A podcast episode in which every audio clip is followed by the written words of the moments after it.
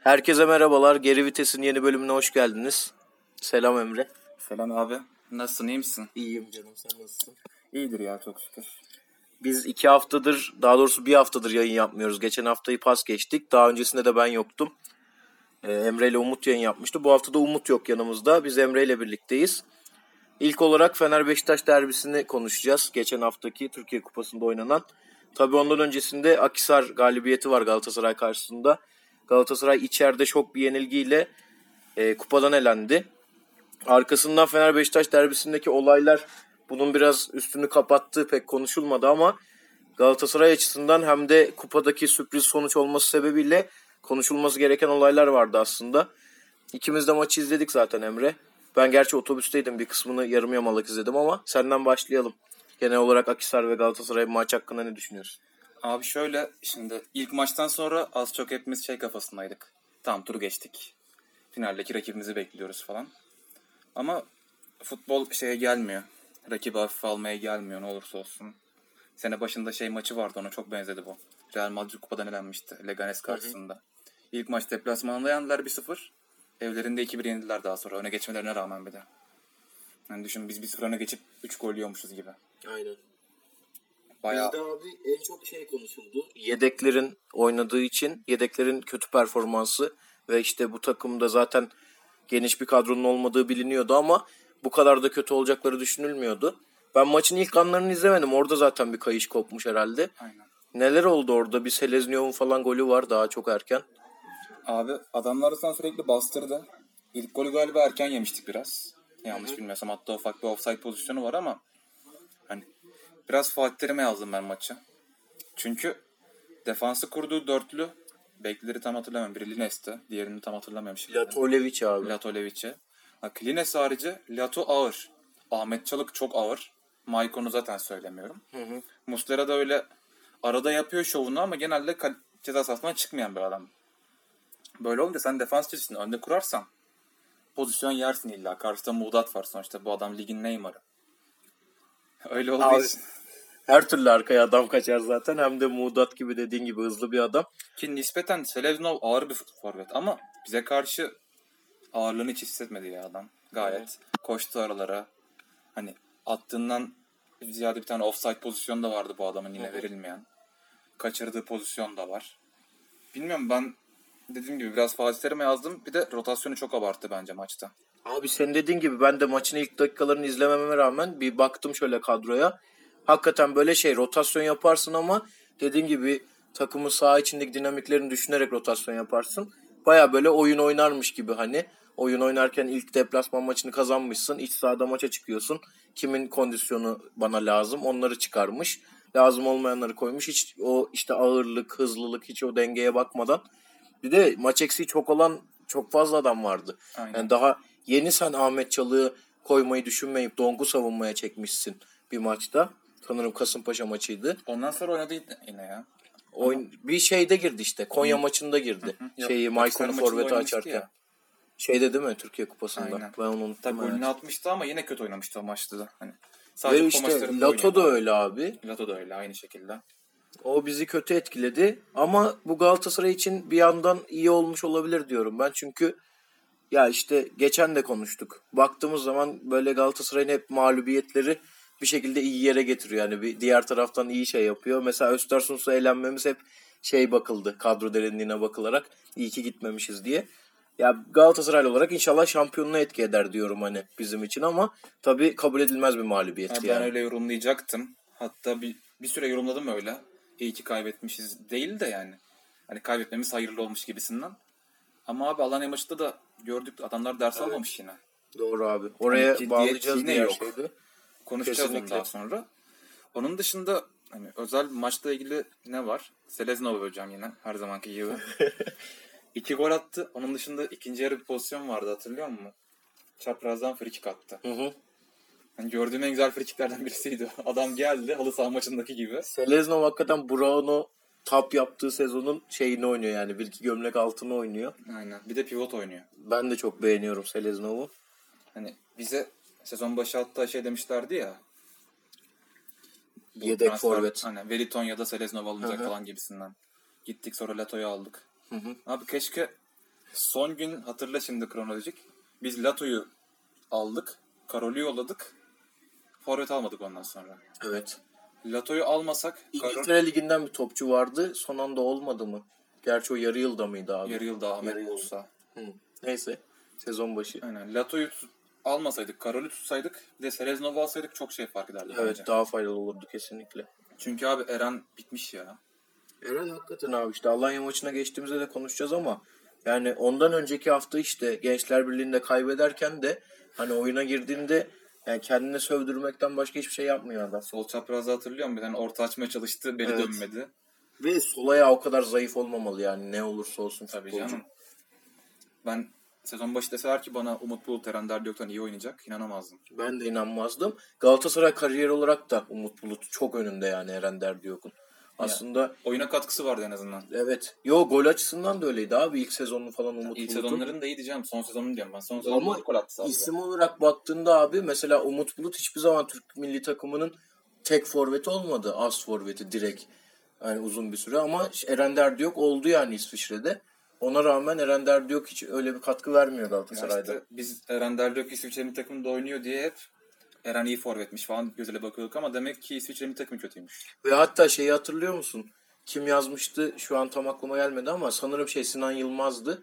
Eren'i ilk transfer ettiğimizde Kasımpaşa'da hava hakimiyeti çok yüksek ama aslında orada attığı goller şeyden değil diyordu hani. Çok pozisyon denk geldi bu sene ona o yüzden Yani. gibi diyordu. Ben inanmamıştım. Hatta o sezonun ilk başına da 5 maç 5 gol ya da 6 maç 5 gol gibi bir şeyle başladı.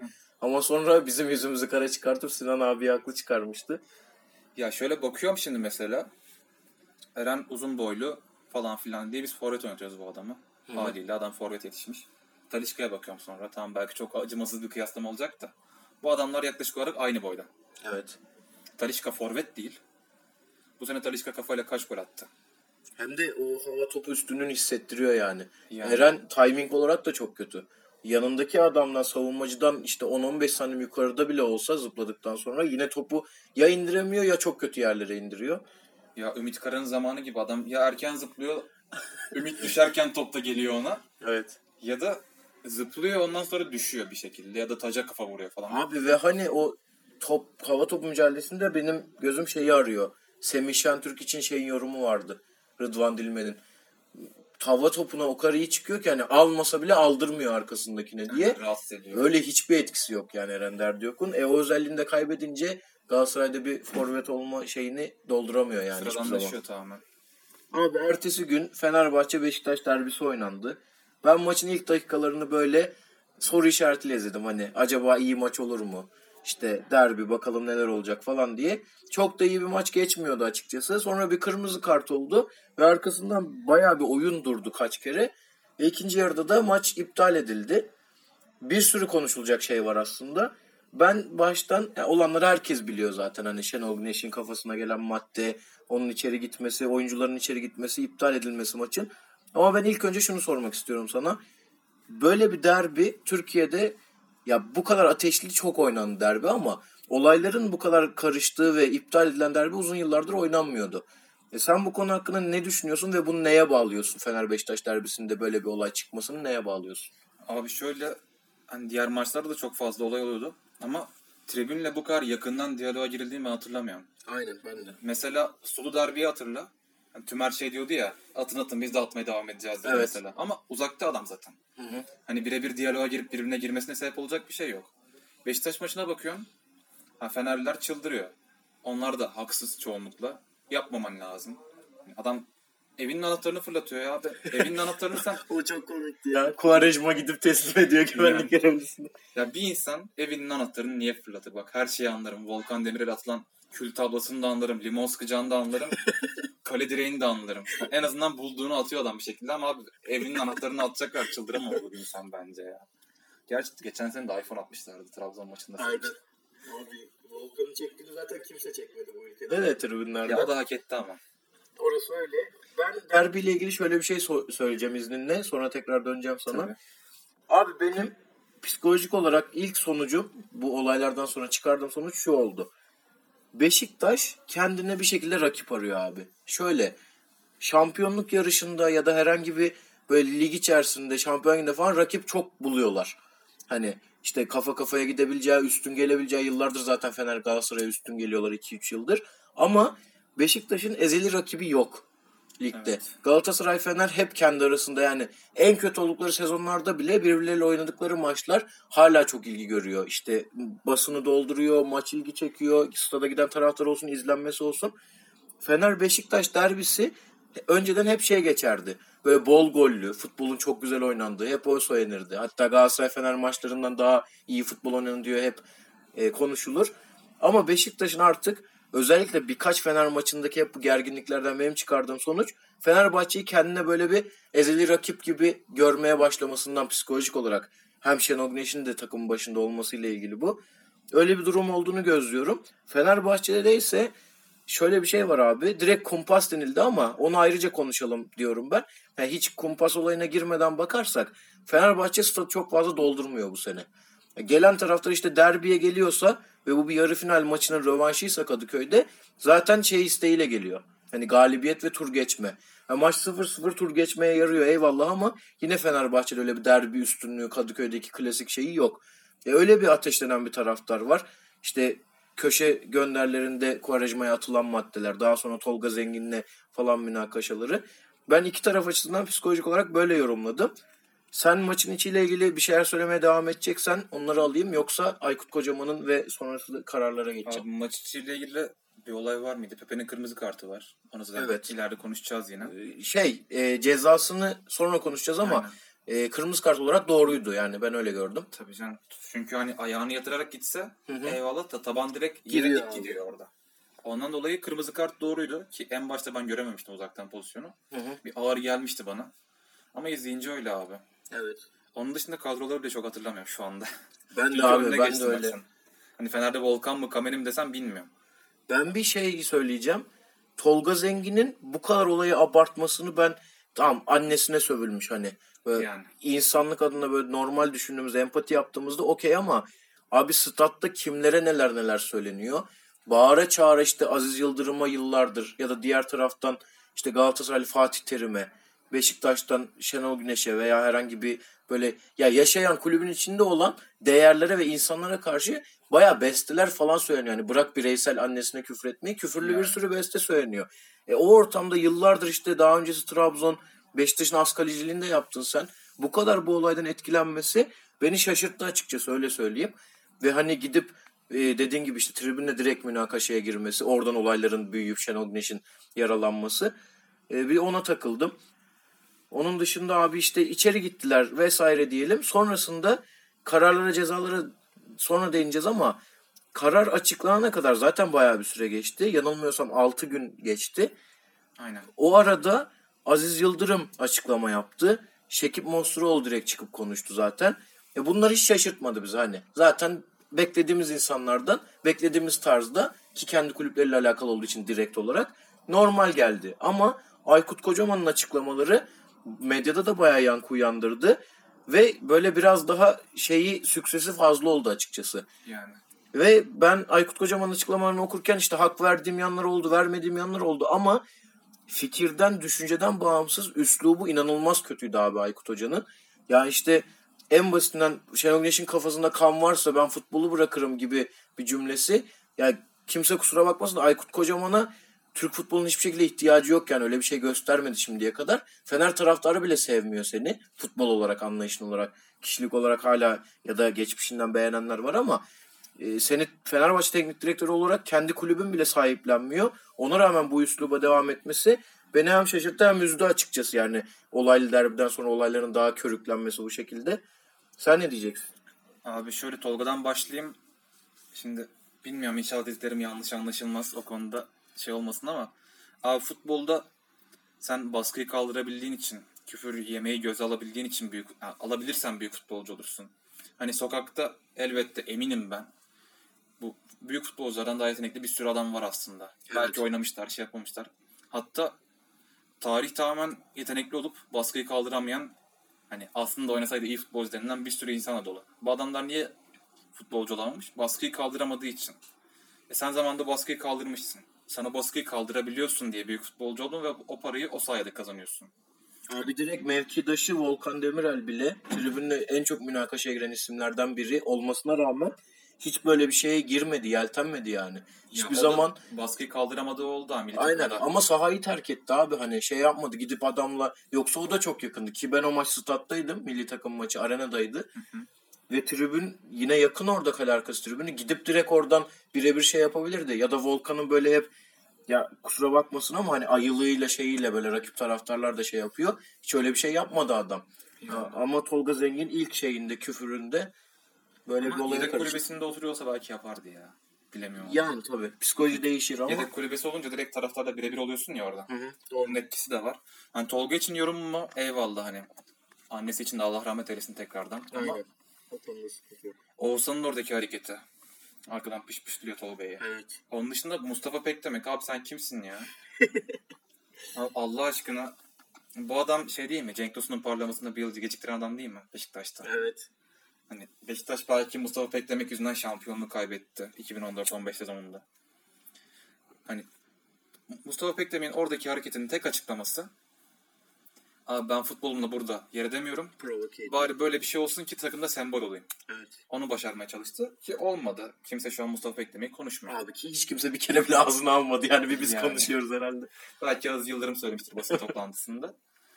Onun dışında abi olayların devamına gelecek olursak hani orada Şenol Güneş'in başına madde atılması olasılık olarak muhtemel. Zaten beklenen bir şey. Belki Şenol Güneş o an naifliğinden beklemedi onu. Veya bilmiyorum adam Şenol Güneş'i oradan onca kişinin arasından isabet ettirmesi de büyük olay. Yani düşünüyorum benim takımımın, tuttuğum takımın hocasına öyle bir şey yapılsa çıldırırım. Evet. Ben futbolcuyum. Hocama böyle bir şey yapılsa ben stadı yakarım. Veya ne bileyim takım arkadaşıma yapılsa yine aynı şekilde. Daha sonra evet hocamanın gidip ben Şenol Güneş'in yani Hasan Çetinkaya'yı yolladım Şenol Güneş'le birebir muhatap oldular, konuştular falan filan demesi. Mesela oradaki tutumu beni çok rahatsız etti. Abi senin meslektaşın o adam ne olursa olsun. Sahada iki tane teknik direktör var sadece. Abi git kaldır adamı. Sarıl ne bileyim. Hocam iyi misin de. Bir şey yap. Yanına al adamı. Git tribünlerin önüne. Bu adama bir şey yapmayacaksınız falan de. Yap abi hani sen tamam belki aranızda husumet var 95 sezonundan beri var belki. Ama abi bu mesleğe saygıdır. Mesleğe saygı olmasa insanlıktır yani. Bunu yapman lazım. Ve abi hani hepimiz söyledik. Ben de hani dalgasına çok söyledim. Tiyatro vesaire işte yere atıyor kendi falan ama hani adama ağırlığı ne olursa olsun orada bir şey yapıldığı, adamın yaralandığı, rahatsızlandığı belli. Ona rağmen Aykut Kocaman saha içinde hiçbir şey yapmaması ve üstüne çıkıp böyle şeyler söylemesi hakikaten çok üzücü ve yersiz yani hiç gereği yok. varsay. Hadi adama hiçbir şey gelmedi. Adam hiç yere düşmedi. Şey oldu. Tribünden buna küfür geldi. Bu gitti tribünle münakaşaya girdi. Şey maçındaki gibi. Trabzon Beşiktaş maçında taraftarla münakaşaya girdi ya. Öyle münakaşaya girdi. Tamamen ütopik olacak. Sonra ağlamaya başladı bu adam. Bayağı siniri bozuldu falan böyle. Hani Volkan Şen gibi. O an bile olsa gidip Aykut Kocaman'ın mesela şey yapması lazım. Tabii. Ben o gözle bakıyorum. Bırak kafasına madde gelmesini, şey gelmesini. Ki bozuk para dediler. Bozuk para sivri bir şey. Adamın canını yakar. Bu adam iki kez beyin travması geçirmiş zamanında. Olabilir abi çok muhtemel. Hadi o dikiş olayı falan ayrı tıbbi meseleler. Yok işte ne bileyim bazıları kafasına kendini kurtarmak için stapler attırdı falan filan diyor ama 65 yaşındaki adamın kafasına hocam hadi bir maçı kazanalım diye kafama stapler attır diyeceğin hiç Ve o kadar hızlı da olaylar gelişmez abi hani. Yani abi şöyle benim ayağıma atıldı daha önce. Acıyor ya çok pis acıyor. Ki bunu kafaya atıyorsun ben ayağa attırdım yine. Beynine atıyorlar onu. Hani şey diyeceğim. Bu Twitter'da bir sürü doktor çıktı işte piyasaya. Hangisi gerçek hangisi yalan bilmiyoruz ama işte yok o öyle atılmaz böyle. Abi bu şey değil hani randevu alıp doktora gidip bizim böyle bir sıkıntımız var değil. Adam direkt içeri giriyor. Orada yapılan müdahale. Yani. Hani onun ne kadar böyle hijyenik ya da sağlıklı yapıldığı zaten tartışılmaması lazım.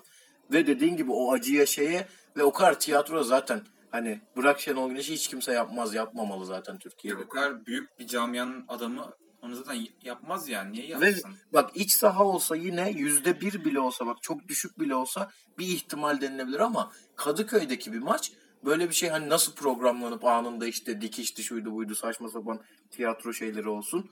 Ha, onu kim yapar mesela ülkede düşüneyim. Hani böyle maçı kazanmak için kendini yere atacak, rol yapacak falan. Abi Yılmaz Vural güzel yapar. Hikmet Art niyetinden Karaman yapmaz ama. Hikmet Karaman yapar şeyinden. Doğru. Hikmet Karaman. Maçı kazanabilmek için Hikmet Karaman yapar onu mesela. Düşünüyorum mesela Fatih Terim'in başına öyle bir olay geldi. Muhtemelen tribünde kavga eder. Evet. Kendi statan attırır. Sonra 20 maç ceza yer Galatasaray. Biraz yanlış düşünüyor olabiliriz ama kesinlikle yani böyle bir şey.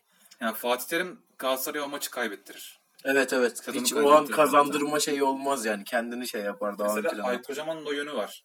Etik değil, asla etik değil ama Takım Fenerbahçe taşıyor. bu olaydan karlı çıktı. Kesinlikle. Bekliyor hiç böyle bir şey? Yok abi yani karar daha doğrusu karar açıklandığında ben şaşırmadım ama o yine dediğim gibi kararı daha sonra konuşacağız. Aradaki süreci konuşuyoruz ya. İşte Devlet Bahçeli'nin açıklamaları, Cumhurbaşkanımızın açıklamaları falan hakikaten belliydi yani kararın ne yönde çıkacağı. Ki ben işte bizim tatildi biliyorsun bahar tatili. Evde direkt canlı izledim şeyi. Denk geldi böyle haber kanalında. Direkt sordular ertesi gün Cumhurbaşkanı'nı bir şeyde yakalayıp e, bir çıkışında e, mikrofon uzatıp ya ilk cümlesi şey oldu. Türk futbolundaki bu kumpas kültürü diye başladı direkt. Ve hani bu o kadar dayatıldı ki hem medyaya hem işte taraftarlara iki takımında ya da bizim de herhangi bir futbol izleyicisine böyle bir karar çıkacağı belliydi. O yüzden şaşırmadım ama e, hem Aykut Kocaman'ın açıklamaları hem direkt olarak kumpasa bağlanması beni yaraladı açıkçası yani ben üzüldüm. Ya bir de şu var şimdi. Kumpas olduğunu ilk gün söyleyebilmek için elinde istihbarat olması lazım.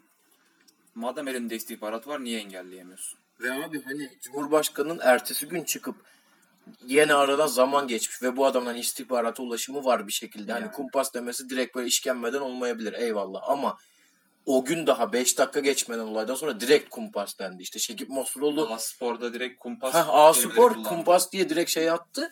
Şekip Mosuroğlu şey kulüp kanalına çıkıp direkt böyle elinde kağıt kalemle bayağı kumpas diye girdi mevzuya. Ya bence eğer ortada bir tiyatro varsa bu dalga dümen işinde dediğim gibi ben Şenol Güneş'e bayağı şey yaptım hani tiyatrocu miyatrocu diye dalgasını geçtim ama esas Fenerbahçe yönünde bayağı oyun döndü bence kumpas açısından. Fenerbahçe baya hani oyunu kirli şekilde oynamaya çalıştı. Beşiktaş'ı çok masum diyemiyorum dediğim gibi. Fikret Orman mesela yalancı. Abi bu adam Fikret Orman direkt yalancı. Çıktı maçtan sonra çok net bir şekilde Şenol Güneş'in başına koltuk atılmıştır dedi. Evet. Koltuk ihtimali yok yani hani görüntülerde de zaten Aynen. sabit. Ve kafasına o mesafeden koltuk gelse Ve dikiş mikiş hiçbir şey kurtarmaz Aynen. abi. Ya dikiş olmaz bir kere abi. Sonuçta dikiş ne için? Kesici yara için yapılır değil mi? Hani koltuk atılması ne? Kafasının sarılması lazım. Hani o şey Travma geçirir abi çok net Direkt yani böyle çok yakın. Beyaz fileli şeyler konulur kafaya falan. Onlardan olması lazım. Bilmiyorum. Hani Fikret Orman'ın sıkıntısı o. Beşiktaş'taki futbolcuların sıkıntılarını zaten söylüyorum. Oğuzhan'dır. Oğuzhan sen kaptansın. Beşiktaş camiasının kaptanısın abi sen. Hani tamam çok dalga geçiyoruz Oğuzhan Özakıp 150 milyon falan ama ülkenin önemli futbolcularından birisin sen sonuçta. Ona göre davranması lazım. geçen seneki Fener maçından bu adamın yarası var şeyden. Hani Yok işte Van Persie'ye karşı olaylar olmuştu ya Türkiye Kupası'nda hı. Sonra o maçı Van Persie kazandı ve Oğuzhan'ın önüne kaydı. Evet. Belki Fenerbahçe maçı o yüzden Oğuzhan'ın psikolojisi daha ayrı bir yer ediniyor. Bilmiyorum. Ben Tolga Zengin- Beşiktaş'ın şeyiyle alakalı sözünü kestim. Bu e, derbideki davranışıyla alakalı bir tek şeyi böyle oyun sonra böyle kazanmaya yönelik gösterebilirim ya da tatil etmeye yönelik. Maçın başından beri abi yani bu hiçbir şekilde hile hurdayla değil gayet açık seçik. İşte Kuvarejma bir şey geldiğinde o anahtarı bile yani sakinlikle ve hani hakemin gözüne batıra batıra böyle bana bunlar atıldı deyip teslim etti. Ve hani kullanamayacağı kadar ağır bir durum yoktu. Eyvallah maddeler atılıyor ama direkt ilkinde böyle atıldı. Mesela ilk madde geldi yanına yöresine kafasına veya vücuduna değil. Direkt çekildi oradan kullanmadı ve bu ardarda arda olunca hakemin de gözüne battı ve tatile doğru aslında Beşiktaş takımı götürdü oyunu. Benim saha içinde böyleydi yani şeyi e, oyun varsa eğer. Ya ama o şöyle ya. Şimdi ben futbolcu olsam ben de aynı şekilde yaparım.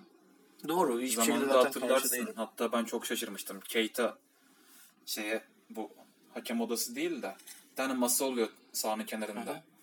Bir şey atıldı kendisine. Götürdü o masaya onu bıraktı sonra sarı kart gördü. Evet hatırlıyorum. Hatta niye sarı kart gördü falan diye Hı. bayağı olay olmuştu.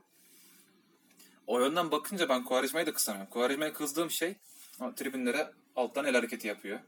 O da Tribünleri tahrik ediyor. zaten. Hani o tahrik unsuru direkt eyvallah hafifletici ceza ama yine ceza verilmesi lazım. ne bileyim Fernando'ya iki maç ceza verdiysen Quaresma'ya da ceza vereceksin. Tolga'ya da Oğuzhan'a da. Oğuzhan gerçi biraz daha şey uzaktan sonra el hareketi sonuçta ama Hı hı. bilmiyorum abi. Abi cezalarla. Galatasaray Beşiktaş derbisini diğer bölümde birleştireceğiz. Bu konuyla ilgili söyleyeceklerin tamamsa diğer bölüme geçelim. Abi şöyle var mı başka bir şey düşüneyim. Beşiktaş'ın sağdan çekilmesine Ha, konuşabiliriz. Bu bir hakemden önce mi sonra mı mevzusu oldu? şey maçta oynamayacaklarını açıkladılar ya. Ha doğru tamam anladım.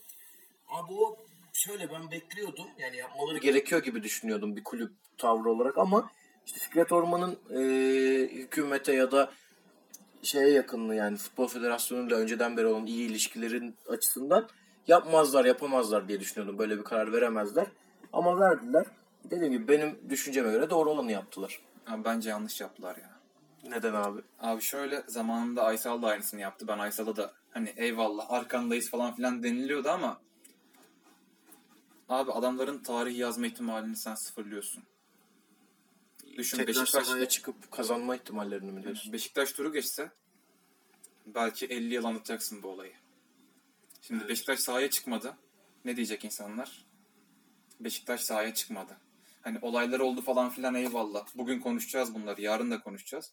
Ama 20 yıl sonra insanlar diyecek ki Beşiktaş sahadan kaçtı. Doğru. Yani başkan özelinde dediğin gibi bir pohpoh olacak hani reis şeyleri. Aynen. Eyvallah çıkarmadı ama takım çıkmamış olacak. Bizim sahaya. final Çekilmiş serisini hatırla işte mesela. Olay neydi? Ben hatırlamıyorum şu anda. Ben de hatırlamıyorum. Hatırladığın tek Çok şey net. Galatasaray'ın sahadan çekilmiş Ve olması. Ünal Aysal'ın şeyi geliyor aklıma direkt değil mi? O GZTV logolu konuşması geliyor Bir aklıma. de Fransızca bir slogan koymuşlardı ya Noblesse Oblige öyle bir şey. Diana bak sen de gördün. Unutuyor insanlar. Öyle Evet, olduğu için bence mesela Galatasaray'ın o gün kazandığını düşünsene. Yani daha büyük büyük olay olurdu. Ve Galatasaray için daha büyük şey olurdu, gelişme olurdu. Zaten o günden sonra basketbol camiası bir Euro Cup aldı. Galatasaray onun dışında ne yaptı? Çok Elde var sıfır. O gün kazanmış olsak her şey değişik olacaktı belki. Onun O dışında zaman- aynen söyleyecek bir şeyim yok. Diğer bölümde arkadaşlar Beşiktaş, Malatya, Başakşehir, Kayseri, Fener Antalya, Alanya, Galatasaray'la haftanın maçlarını konuşacağız. Şimdilik hoşçakalın.